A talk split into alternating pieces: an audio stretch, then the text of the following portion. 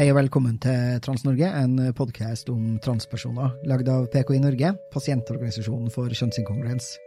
Hjelp! Jeg er trans, hva skal jeg gjøre nå? Gå inn på www.transhjelpen.no, for eksempel. Sorry, jeg syns det var en artig intro. Uh, hei og velkommen til podkasten. Uh, eh, kan ikke du fortelle litt om hvem du er?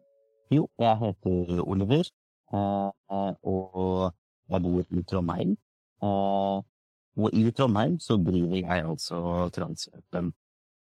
Eh, og nå har jeg faktisk også det siste halvåret vært nestleder i Fri Trøndelag, så nå har jeg fått dyppa tærne litt mer verdenen også, i tillegg til det jeg driver med på jobb. Ja. Uh, jeg tenker vi skal Ja, du må si pronomen. Sa du pronomen? Nei, men jeg bruker pronomen han-hans. Ok, uh, jeg vil gjerne prate om begge de to tingene. Altså, uh, fortell kort eller fortell så langt du vil, egentlig. Hvem, hva? Hva er Transhjelpen? Ja, Transhjelpen det er jo kort egentlig en nettbutikk. Eh, fordi jeg jobber for et selskap som ikke bare driver import og distribusjon av alt fra seksuell helse til erotiske artikler, men også da drifter butikker og nettbutikker som sender disse.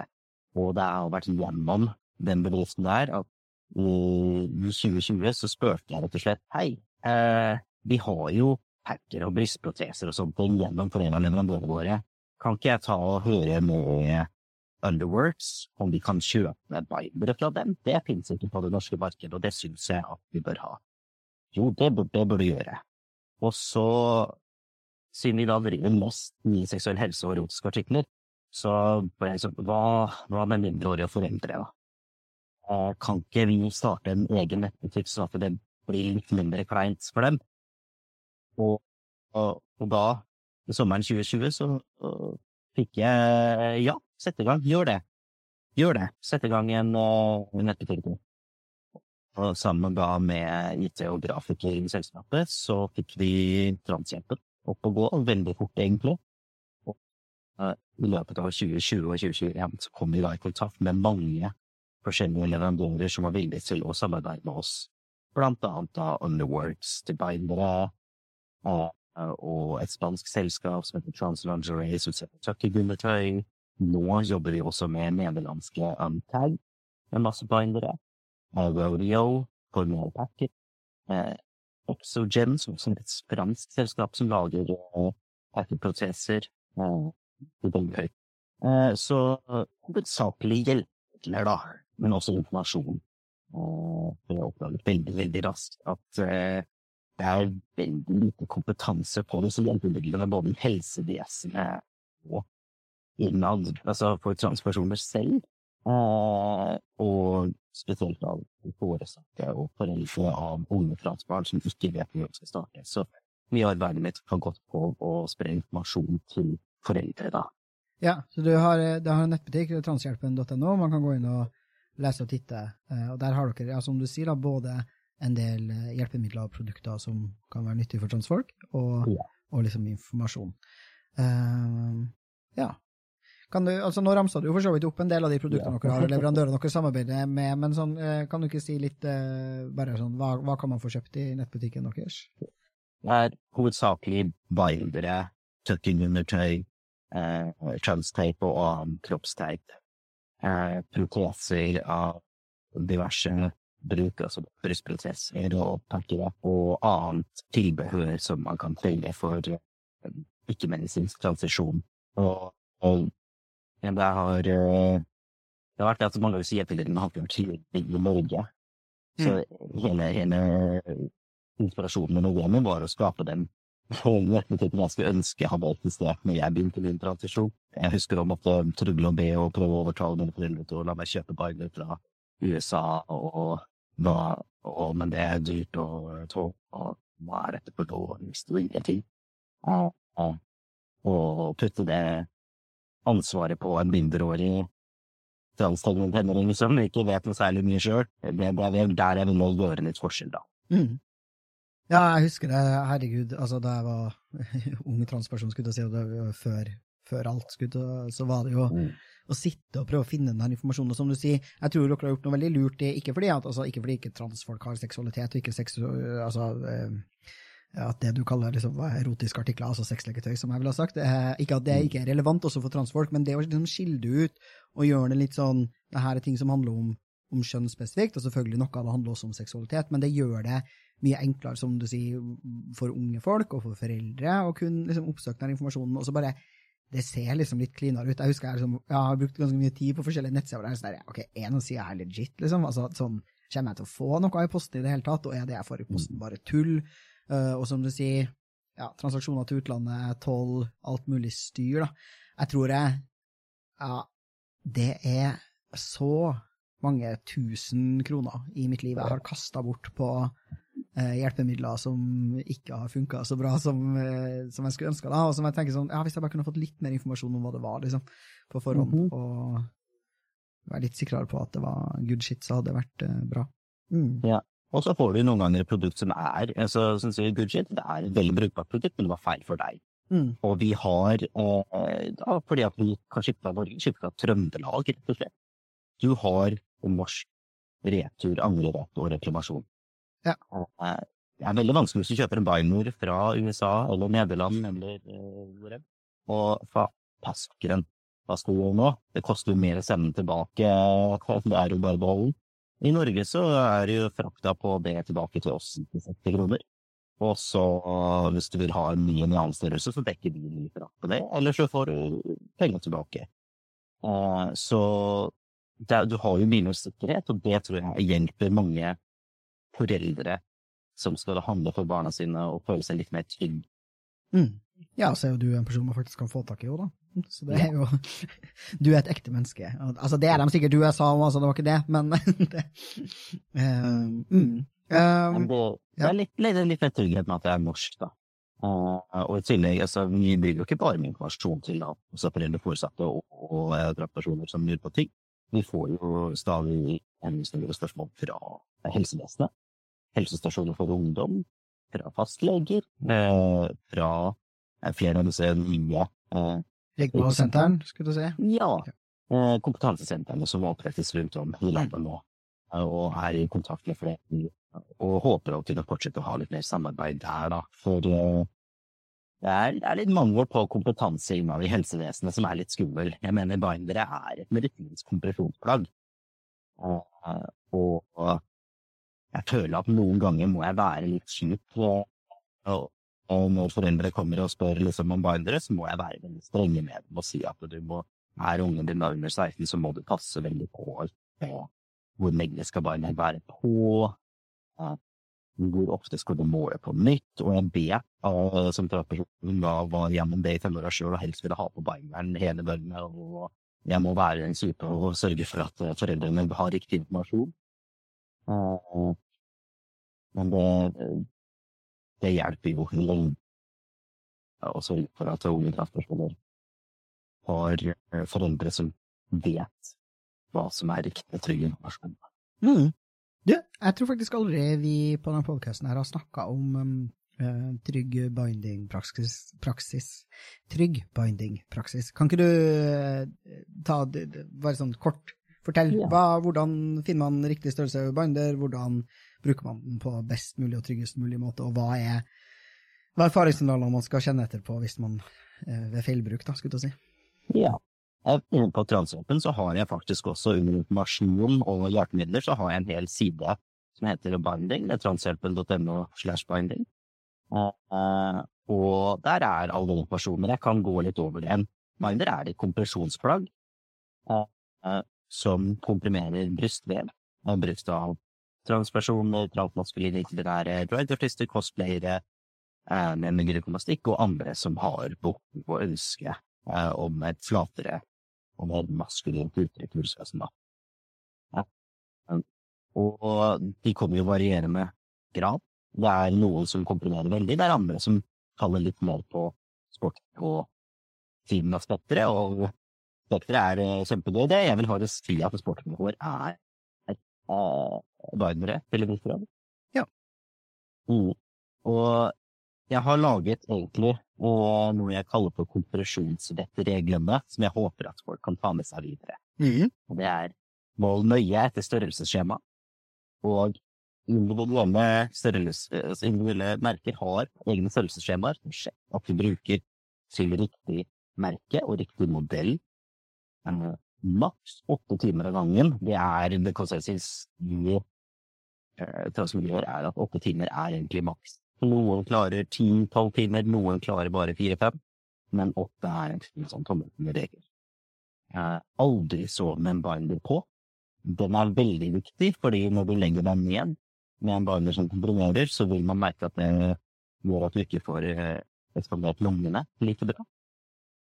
Og helst håndvask av en binder på lav temperatur, maks 30 grader egentlig, og uh, med mild såpe. Jeg brukte alltid ullvasksåpe på mine. Mm. Og aldri putt en bind i en tørket trommel. Uh, det vil ødelegge uh, stoffet og stoppe kompresjonen, da. Når du tar av en binder, så bør du bøye og tøye og strekke kroppen godt. Ta noen gode, dype pust. Og ikke tren i en binder som ikke er laget for trening eller svømming. Det finnes egne bindere som er laget for trening og svømming. Ikke bruk en vanlig binder til dette. Siste kompresjonsvettregelen pust. Pust godt. Pust. Lær deg gode pusteteknikker. Jeg har jo det har jeg lært fra flere både musikere som driver med blåseinstrumenter og svømmere og dykkere og, og diverse som har gode pusteteknikker. Jeg anbefaler å sjekke, da. For du vet jo selv, binder må å komprimere huskassen, Og uh, det går litt utover lungekapasiteten over tid. Så dem er det viktig å ta vare på. Mm. Gode råd. Og så kan jeg få sidekick et råd til, som egentlig ikke er sånn direkte banderåd, men sånn derre jeg av og til ser, og det er sånn derre du, altså, du blir flatere enn du tror sjøl. Jeg vet liksom hvor Altså, når man er dysforisk, liksom, så kan man få en sånn derre litt sånn overoppheng da, i, i, at man har fett på brystkassa. det er veldig sånn, det, Alt synes, du føler at det synes. Det er sånn derre eh, Sist folk òg har fett på kassa, liksom, det er uh, umulig og heller liksom, ikke ønskelig da, å skulle bli liksom helt, helt flat. Og blir du, klarer du det, så har du binda litt for hardt. da, Binderen din er for liten, du får ikke puste, liksom. Det, Ja. ja. Samme selvfølgelig går inn under den der eh, liksom, mål og bruk faktisk riktig størrelse. Men jeg tror liksom en del transfolk kan ha godt av å høre det. da. Det er sånn derre Ja. Slapp av, liksom. Ta, når du har på deg T-skjorte og genser, liksom, så går det her det går helt fint, liksom. Det er ikke her eh, Ja, det er ikke her det står og felles. Og faktisk å bruke en binder som er for liten, kan gi dårligere kompresjon. Jeg tror det er veldig mange som ikke vet. Mm. Eh, Men bruker du en binder som er for liten, så vil du lage kompresjon på andre områder enn der du vil. Og du, du blir sikkert klipp. ut. Ja. Jeg liker det du sier, altså, ja, det går bra. Man er flatere enn man tror. Jeg har eh, gjort mye veiledning av ungdom i det siste med bruk av både transtype og binder. Mm. Og det jeg prøver å Min, min visdom til dem er at du ikke går litt sånn gropøy, ikke eh, hunch over. Jeg vet at det er veldig fristende for man vil skjule brystkassa, men prøv heller å gjøre litt sånn Supermann-pose, Mm. fordi eh, da ser skuldrene dine breiere ut også, og det vil også være med på å gi bryst, brystkassen et flatere uttrykk. Så dytt skuldre og, og nakke og kjape opp. Vær litt Supermann. Ja, det tror jeg det er rett. i, ikke for å gå helt sånn new age, men det er noe med at det å liksom stå stødig i egen kropp og puste ordentlig gir en sånn det gir en selvtillit og en mestringsfølelse i verden som er verdifull, da, når man skal ja, møte en verden som jo er full av transfobi, og som ofte er kjip og vanskelig. liksom.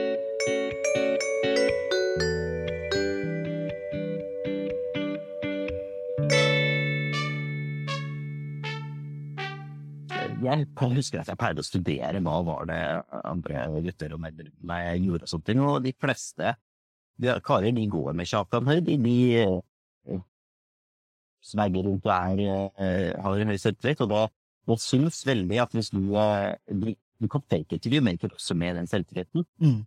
folk vil se det veldig fort hvis du er litt blygg og tropøyd og prøver å gjemme deg og sånt. men det er eh, Folk plukker opp på det. Eh, og i tillegg så er ikke det veldig bra for ryggen din og gå som kropper. Jeg har ryggsmerter den dag i dag på grunn av det. Med bein på. Ja, for jeg skulle da si, altså, jeg, jo, eh, jeg har jo sett en del som liksom, argumenterer mot da, at folk skal bruke binder i det hele tatt, fordi man mener liksom, det er helseskadelig over tid, og du får vondt og bla, bla, bla. Så tenker jeg jo, Min første comeback til det er jo selvfølgelig, da syns jeg at du skal sikre mm, folk som har behov for det, tilgang på toppkirurgi, eh, som det første du, måten du løser det på, så folk slipper eh, å bruke binder i så jævlig mange år.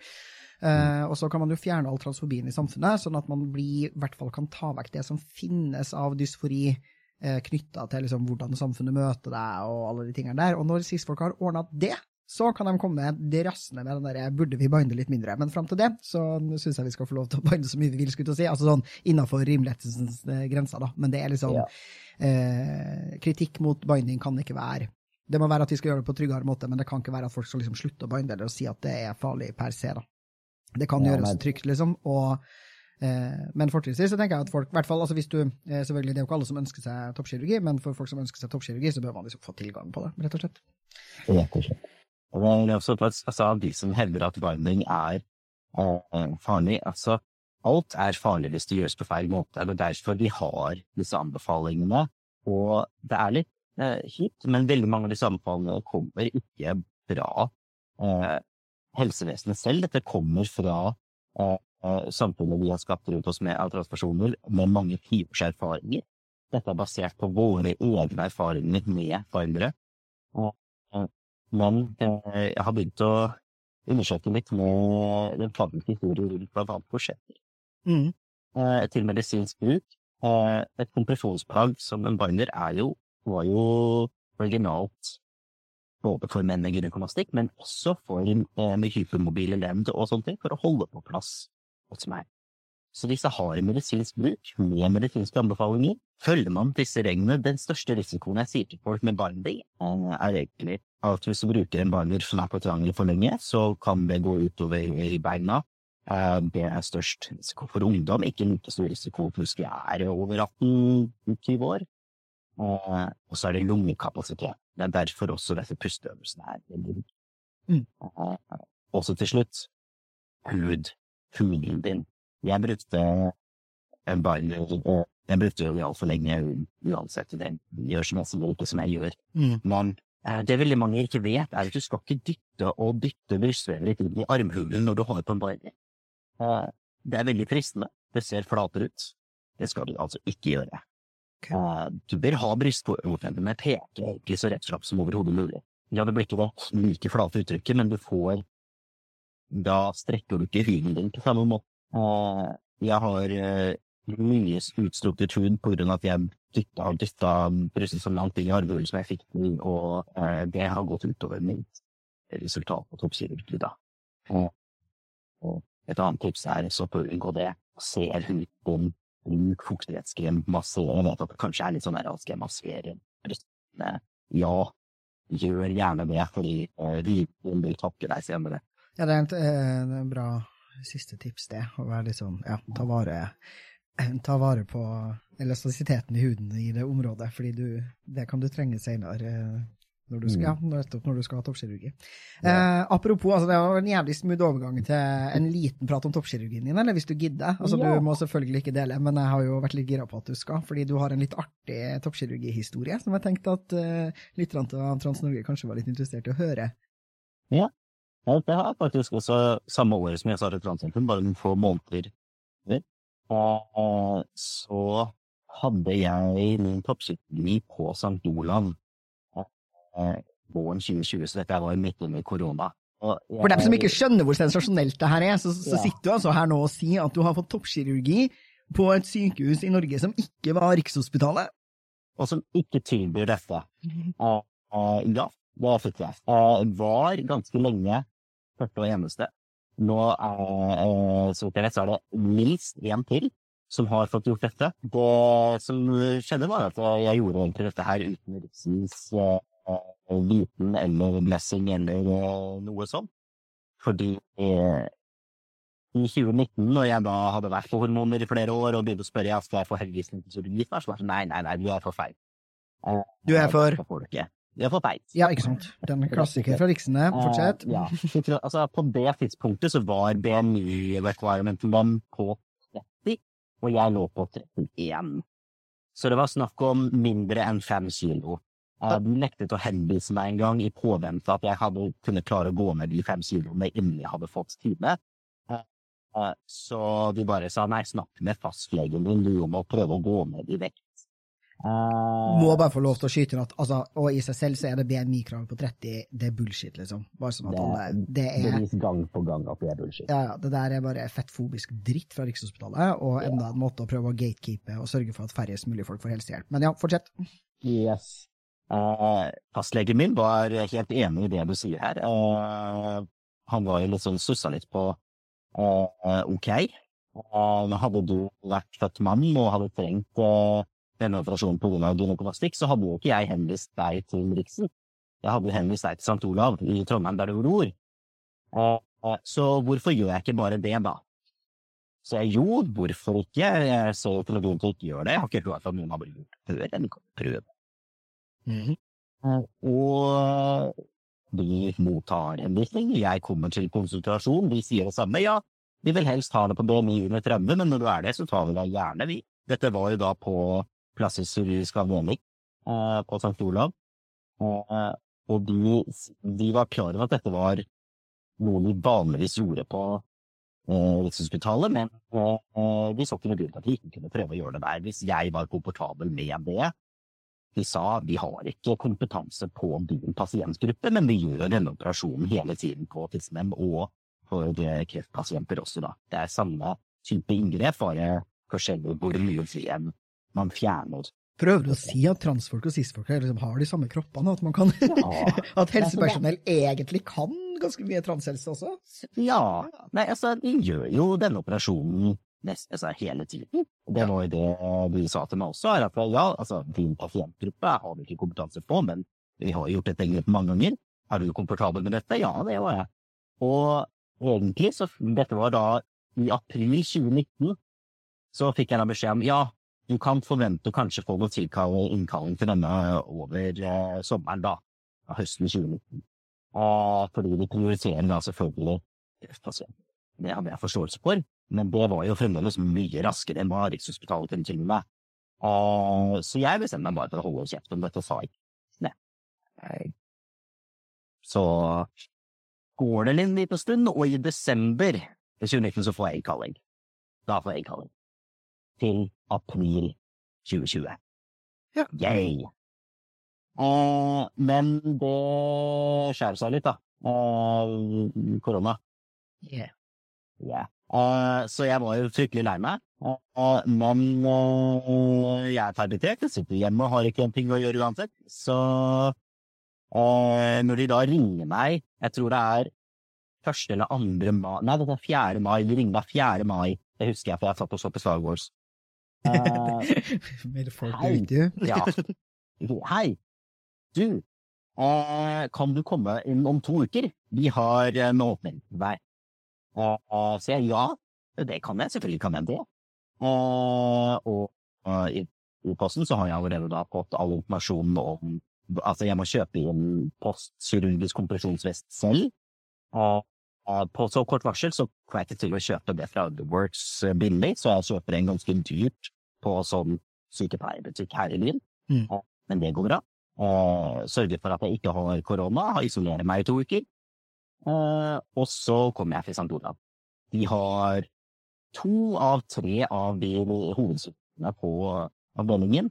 Jeg husker ikke navnet i farta, men det var to mannlige, og så tror jeg det er en kvinne som jeg ikke hadde da. Føler meg veldig godt ivaretatt av masse sykepleiere og andre, altså både studenter og ditten og datten som skal følge med. De spør om det hvor det går bra. Jeg, ja, og jeg vil veldig gjerne at så mange som mulig er med på å lære her. Føler meg egentlig veldig godt ivaretatt på St. Olav. Mm. og opereres og får dra hjem samme dag til egen seng etter noen timer på observasjon. Det må jeg si at det var noe veldig deilig med å kunne reise rett hjem til egen seng. Altså. Ja. Det gjør den ikke på eh, vet jeg. Og der vil de gjerne ha deg over natta. Uh, ja, Så skal du reise hjem til en egen seng som er 1000 milliarder mil unna Rikshospitalet? da? Ja, og så flyr jo hele pakka. Jeg fikk bare fetteren min til å plukke meg opp i bil, og i verste fall så hadde jeg tatt taxi. Mm. Men altså, ja, jeg kommer meg hjem på egen seng, og tar bussen til, uh, tilbake til St. Olav et par ganger uka etter for å fjerne dren. Er i relativt ganske lite smerte, og to uker senere så er jeg tilbake på jobb og. Fordi det gikk så bra. For da kommer det, det, skal ha et par oppfølgingsspørsmål, men det mest spennende oppfølgingsspørsmålet hva, hva sa Riksen når de fikk vite her, og hvordan, hvordan fikk de vite Nå, det liksom, hvordan de fikk vite dette, var at jeg hadde jo eh, De hadde ennå ikke somla seg til å henvise meg for fjerning av eggstokker og livmor og sånn. Det hadde jeg mast om en stund. Mm. Fordi jeg på det tidspunktet levde ganske smertefull endometriose selv om jeg var på testosteron. Og på sommeren der så spør jeg om jeg kan få henvisning der, og der driver jeg mye, tydeligvis. Da hadde ikke det så mye å si. Og vi bare henviser til det. Og så på innkalling på sommeren da i august og sier jeg du, nei, kan jeg utsette det fordi jeg er nyoperert? Å, er du det? Eh, ja, jeg har nettopp vært på St. Olav for et par måneder siden og fått Hæ, har du det? Hvordan fikk du til det? Ja, nei, det, jeg gikk gjennom fastlegen. Ok. Uh, og da lukker det smutthullet seg veldig fort. Uh, fordi da hadde jeg allerede tipsa masse venner og kompiser om Hei, bare St. Olav, da. Uh, og jeg vet at det var faktisk et par stykker som hadde klart å komme seg så langt som til konsentrasjonen, mm. som nå kirurgene hadde fått litt uh, kjeft fra Riksen, tydeligvis, fordi nå måtte du få ukjennelse av Rikshospitalet for å gjøre det på St. Olav. Røyksen måtte si ja, du skal få lov til dette, men de gjør jo ikke det. De sier nei. Altså, jeg er jo nå et veldig godt bevis på at dette gikk kjempegreit. De holdt jeg på å si komplikasjonene, jeg vil ikke kalle det komplikasjoner engang, men det som gjorde at jeg kanskje ikke hadde optimalt resultat, var jo ikke noe som kirurgen kunne gjort. Det var jo av min eh, egen feil at jeg hadde strukket ut veldig mye brystvev. Og i tillegg så holdet jeg opp veldig under operasjonen, og det er jo da hvor man ikke kan predikte. Så det ble fjernet litt på den ene siden. Så jeg har i ettertid hatt en revision med pettransplantasjon og fjerning av litt ekstra dog ear hood, som har gjort resultatene mine fantastisk gjennover. Jeg har Også gjort på St. Olav, ja. Ikke noe problem. Det gikk, altså, det gikk helt greit også. Det var god oppfølging, god alt. Jeg har ikke noe å klage på. Jeg syns at uh, Benside Manor og kirurgene og alt der har vært veldig godt. Samme kan jeg ikke si om Riksen når det kommer til fjerning av Else og livmor. Det var jo på Ullevål i regi av Riksen, da. Jeg kan bitche litt om det etterpå, siden du hadde et par spørsmål, kanskje. Ja, eller jeg skulle bare kommentere på at eh, altså, du har jo et, eh, altså, For de av oss som har sett resultatet ditt, og det har jeg, så må jeg jo si at det er jo et mm. glimrende resultat. Så det er jo ikke noe Altså virkelig ikke. Det eh, altså, Selvfølgelig, det, ting kan gå bad, eh, som du sier. da, altså Ting kan skje når man gjør kirurgi, det er en viss risiko knytta til det. Men det er mm. altså ingenting som skulle tilsi at Riksopptalet her er noe flinkere enn andre kirurger, spesielt hvis andre kirurgene bare hadde fått lov til å faktisk øve seg litt. da. Så det er ja, fjerning av, fjerning av brystvev er en ganske enkel prosedyre, som du sier, som gjøres også på en del andre pasientgrupper. Ikke helt likt, men som du skal ikke ha så mye trening som kirurg for å få til det her ganske bra. Det er argumentet til Rikshospitalet om at det er jævla viktig at det er dem som gjør det. Det er bare transfobi, liksom. De bare vil ikke at vi skal få tilgang på helsehjelp. Og som du sier, med en gang de får høre at noen andre har gjort det her, så det gikk jo ikke dem inn og høflig til sånn, herregud, så jævlig bra at dere får kutta ned de sinnssyke ventelistene våre, så kjempebra. Hvis dere kan ta unna et par av de folkene her, og vi kan gjerne samarbeide om det og få se på resultatet, og det blir kjempeflott, det er jo ikke det de gjør. De tenker at her skal vi bare strupe det, helt uten tanke på om pasienten er fornøyd, om resultatet faktisk blir bra, om det her er plasser som har tid og ressurser til å gjøre det. Um, og det er bare Og det var jo ja. Ja, det var jo sikkert som hadde tid og ressurser. Det var ikke sånn at jeg tok plassen til noen andre der heller. De, altså, jeg var ikke øverst i prioriteringskøa, men et år etter konsultasjon så hadde jeg operert, så ja. Mm. Nei, Halvdan eh, Simensen er kanskje den eneste andre kirurgen i landet jeg ville stolt på at kunne gjort et bedre resultat. Mm. Men jeg har ikke 60 000-70 000 kroner å, å, legge ut med, dessverre. Og, og, og, han har jo også sagt akkurat det samme, at dette er ikke et veldig komplisert inngrep. Og Det er ikke så vanskelig å få til eh, som Riksen skal ha ham til å gjøre. Det er skammelig. Det er flaut. Ja. Det er helt forferdelig at vi skal være et foregangsland på LHBT, liksom. Uh, vi behandler altså Mm. transfolk i det landet her så jævlig ræva. Og det er helt hinsides at Rikshospitalet får lov til å sitte og ha monopol på det feltet her, når de er så faglig inkompetente og så jævla skip som det de er. Og det er sånn her, jeg skal si, jeg hadde toppoppen min på, på Riksen, og jeg var så, for så vidt fornøyd, altså både med resultatet og måten de ble behandla på av liksom alle andre enn uh, det er Mr. Dick himself, Kim Alexander Tønseth, som er liksom Og da, og da eh, i sta, eh, stikk motsatt at de kirurgene jeg hadde på eh, St. Olav, var kjempeflinke, kjempegod bedside manner, kjempe eh, å ha med å gjøre både før og etter operasjonen. Og, og eh, eh, altså selvfølgelig hadde ikke mye transkompetanse, men det trengte de heller ikke, fordi de var både respektfulle, eh, informative på hva de kunne og ikke kunne gjøre. Jeg fikk både med meg brev på eh, eh, hvordan eh, deale med før og etter operasjon på gynekomastikk, altså fjerning av bryster på cis-menn, men også på fjerning av bryster på, på, på dobbeltmastektomi for kvinnepasienter med kreft. Så jeg fikk, de hadde samlet alt det de kunne gi meg, og ga meg begge deler, så kunne de, de sammen finne ut av What applies to my body, liksom. Ja. Ja, ja, og for at det Det var ikke så mye forskjell, egentlig, postoperativ enn disse. Det var bare Altså, hadde dobbel masektomi, men beholde brystvorter. Så det er så- er ikke så komplisert i høyre, egentlig. Nei, det er ikke det, altså. Eh, ok, men du, du nevnte kort at du hadde fått eh, hysterektomi, altså fjerning av livmoreggstokker utført på Riksen eller på Ullevål, som gjør det for Rikshospitalet. Ja. Vil du ta en kort sum-up av hvordan det var? Det altså bare sånn kort for å sammenligne, eh, så var det en ganske forferdelig opplevelse. Eh, En, det var veldig lite informasjon gitt eh, på Rikshospitalet før dette inngrepet. Det at det skal gjøres på Ullevål er helt ok, men de kaller det for Kvinneklinikken. Den likte jeg ikke helt. De kan, det er jo ikke bare transmenn som er der, men det er jo også cis-menn som også er der også for behandling av diverse ting, så at de ikke kan kalle det for fertilitetsklinikken, syns jeg er litt øh. Eh, Det er så lite som skal til. Eh, Men greit nok. Kan til og med beholde ordet kvinne og si kvinne og fertilitetsklinikken. Hvis det Ja, vi kan kalle det kvinne- og fertilitetsklinikken. Det syns jeg er fint. De setter meg jo heldigvis ikke på recovery-rom sammen med en stakkarslig cis-kvinne som nettopp har kommet til operasjon og skal da våkne opp på et rom sammen med eh, skjeggete, lille, hårete meg. Jeg har full forståelse for at det kan være ukomfortabelt for eh, cis-kvinner i den situasjonen. Eh, Så jeg er veldig glad for at de for transmenn som går gjennom dette, får enten alenerom eller et rom av annen transmenn. Det fikk jeg heldigvis. Men i innkallingen min så sto det ingenting om at det skulle være over natta. Eh, Så jeg gikk jo selvfølgelig ut ifra at dette var dagkirurgi på samme måte som top-up. Dette er jo et mindre som mindre inngrep. Det, hvor kan være der over natta? Jeg er jo kalt inn skal være førstemann inn der klokka sju på morgenen, så eh, jeg stiller jo opp bare med klærne jeg har på kroppen og telefonen min. Ikke noe medisiner som jeg bruker til daglig, ikke noe lader, ikke noe ekstra skift av klær. ingen. Eh, og så sier de at nei, du skal være her over natta, du.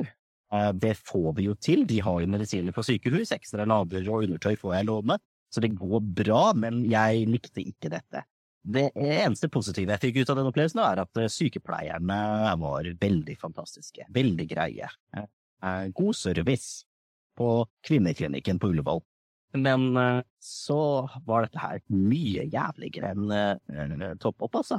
Eh, dette var eh, Altså, ikke bare er man blåst på eh, tett i alle ender, holdt jeg på å si, men det er jo De sender jo ikke med deg så fryktelig mye medisiner annet enn ganske sterk morfin, som de fleste blir litt kvalme av. Så jeg hadde det ikke noe særlig gøy, heldigvis, så skulle ikke jeg helt hjem til Trondheim.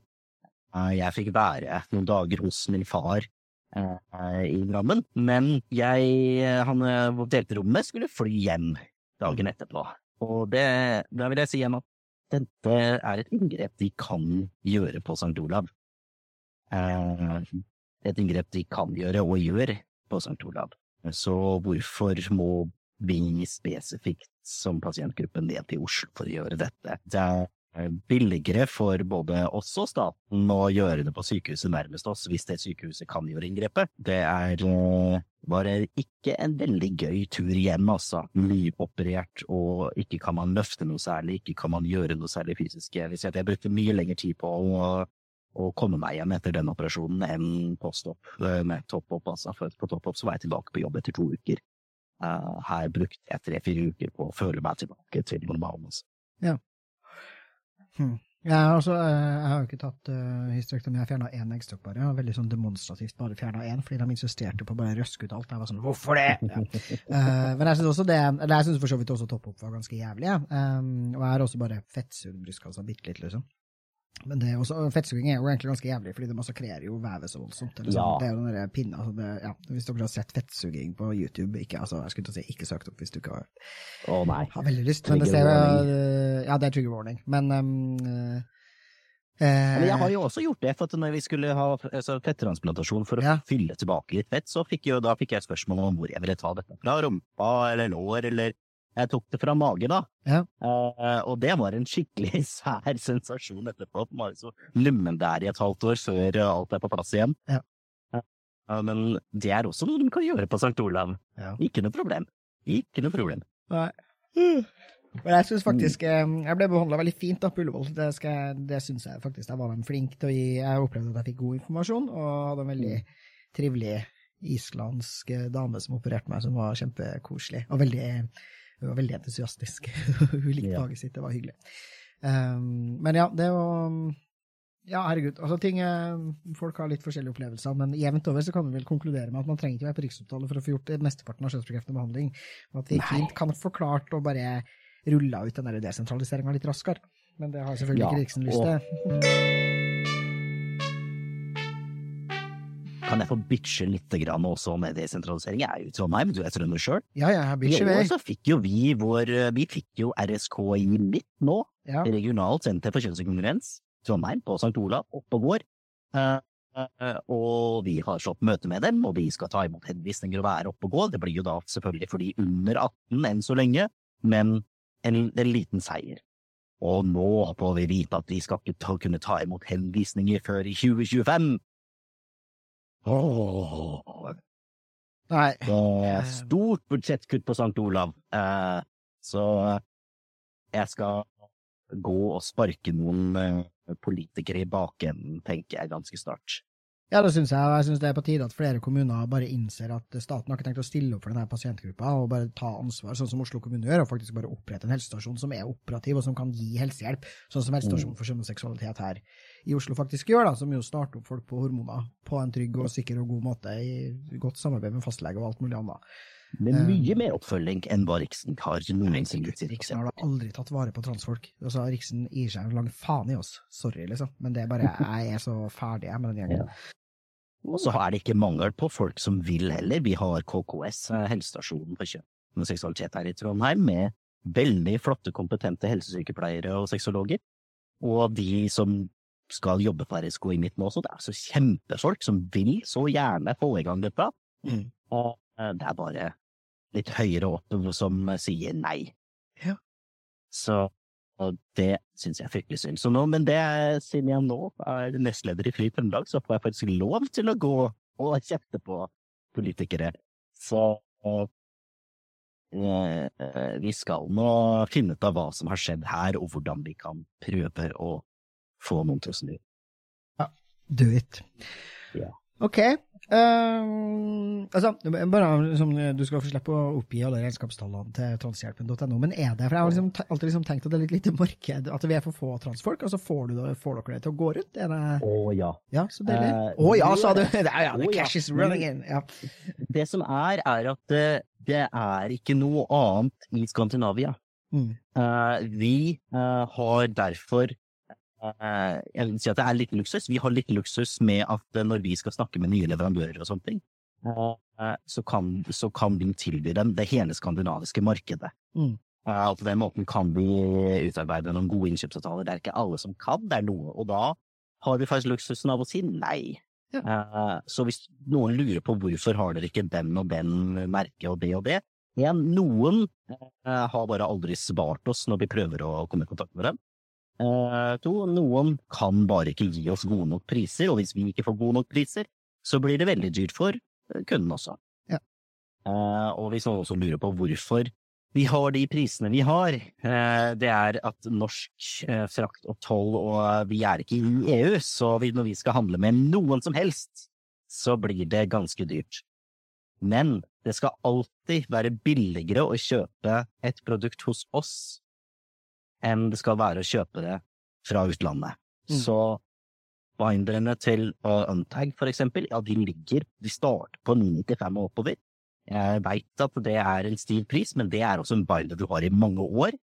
Det er en binder av veldig god kvalitet, og det er rimeligere å kjøpe den hos oss enn det er å kjøpe den hos Untag selv etter frakt og toll, da. Mm. Uh, og vi, uh, etter eh, i sommer, Oslo Pride, da fikk vi en stor boost av folk som visste hvem vi var, eh, og det gjorde at vi fikk råd til å utvikle vår eget alternativ til transtape. Kult. Ja, for det, det hvis jeg får lov til å bitche, noen leverandører burde sagt nei til å selge wholesale til andre butikker fram til de får logistikken sin på plass. Hvis folk vil ha en sånn insider på hvorfor vi alltid er utsolgt for transtape, så er det fordi at eh, de har slitt enormt med logistikken sin, og vi da bestiller så mye varer vi tror skal rekke i tre til fire måneder, for de bruker tre til fire, noen ganger fem og seks måneder på å levere etter at vi har bestilt. Og så har folk bare for Oi, ja, men de har transtape. Så vi selger ut hva vi trodde vi skulle ha på lager i tre måneder på to uker. Og det har skjedd fire ganger. Så når vi da klarte å spore opp et par ganske gode fabrikker og fant ut oi, vi kan produsere dette her selv, eh, så satte jeg i gang en sånn testfase hvor jeg bestilte masse, masse, masse masse vareprøver eh, og testa masse, masse, masse, masse teip.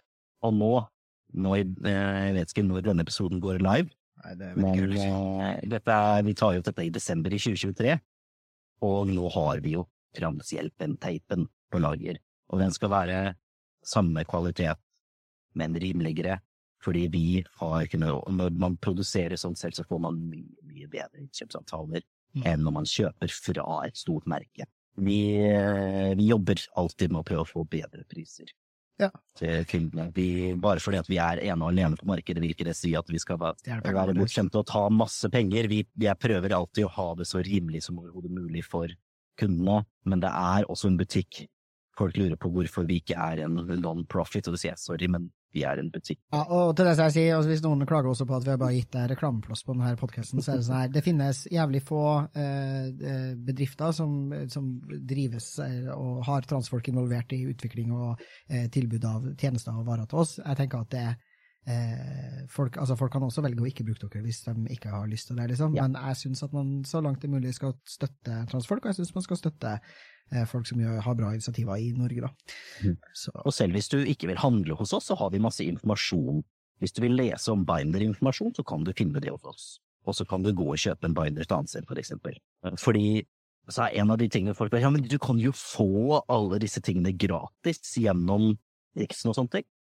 Du kan få noe av det gratis, men du må jo gjerne ha venta noen år og håpe at de gir tommel opp til at du er trans og at du faktisk har behov for disse tingene. Så det er ikke så veldig fint hvis man er nylig kommet ut, eller ikke ønsker medisinsk transisjon, eller er ikke-binær, hvor man da ikke får noe tilbud i det hele tatt.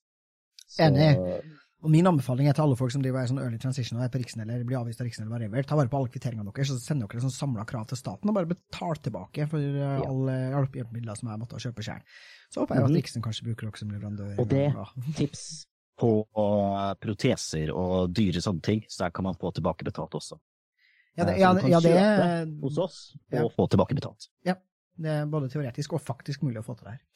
Uh, du, eh, jeg, tror, jeg tror vi må call it quits, litt fordi jeg har det litt Ja. travelt, og litt fordi vi, jeg tror vi, vi fikk da sagt det vi skulle si, tror jeg. Ja, men vi har hatt Ja. en god prat, vi. Ja, har vi ikke det? Uh, og hvis noen har noe mer eh, spørsmål om transhjelpen, så er det jo bare å sende på en e-post. Eh, eller sjekke sosiale medier. Vi har masse informasjon på sida. Eh, både om transisjonen i Norge, og om hjelpemidler og andre ressurser som PKI. Og, og hvis noen også har ressurser de ønsker å dele, kom gjerne med det, så slipper jeg å leite etter alt sammen. Bra tips. Takk Mm. for, mm. takk for det, og takk for ja, informasjonen om Transhjelpen, og også din artige topp-opp-historie, som jeg syns er nok et strålende eksempel på at Rikshospitalet suger. Og er det noe jeg er glad i, så er det å snakke om at Rikshospitalet suger på podkasten min. Ja. Nei, men det, vi kan snakke om at Riksen suger til uh, Det er ikke slutt å suge. ja. Eh, Jeg syns vi hadde en god samtale uansett. Det er ikke bare bitching, men også litt Nei, vi er da gladtrans. Det Ja, Ja. det er vi. Ja, herregud, tusen takk for at du kom på podkasten. Lykke til videre med arbeidet ditt, både som aktivist og som eh, bedriftsrunner. Um, Tusen takk. det, Du får, Ja. får ha fortsatt eh, fin desember og god jul. Eh, veldig artig hvis dette kommer ut etter jul, og så bare ja. jeg lover deg at det blir etter jul, fordi det, ting tar tid, ass. ja, men da får vi håpe at alle hadde en riktig god jul, eh, og at 2024 ser litt eh, det ut. Ja. Satser på det. Mm. OK, cool. Vi prates. Vi prates. Ha det bra! Takk for at du var med på podkasten i dag. Jeg heter Luka Dalen Espeseth, og takk til deg som lytter på Trans-Norge. Spre gjerne ord om podkasten, og rate oss i podkast-appen din. Send oss gjerne spørsmål hvis du har noen. Takk til klipperne våre Mina, Noah og L. Følg PKI på sosiale medier, og meld deg inn på nettsiden vår www.pkinorge.no.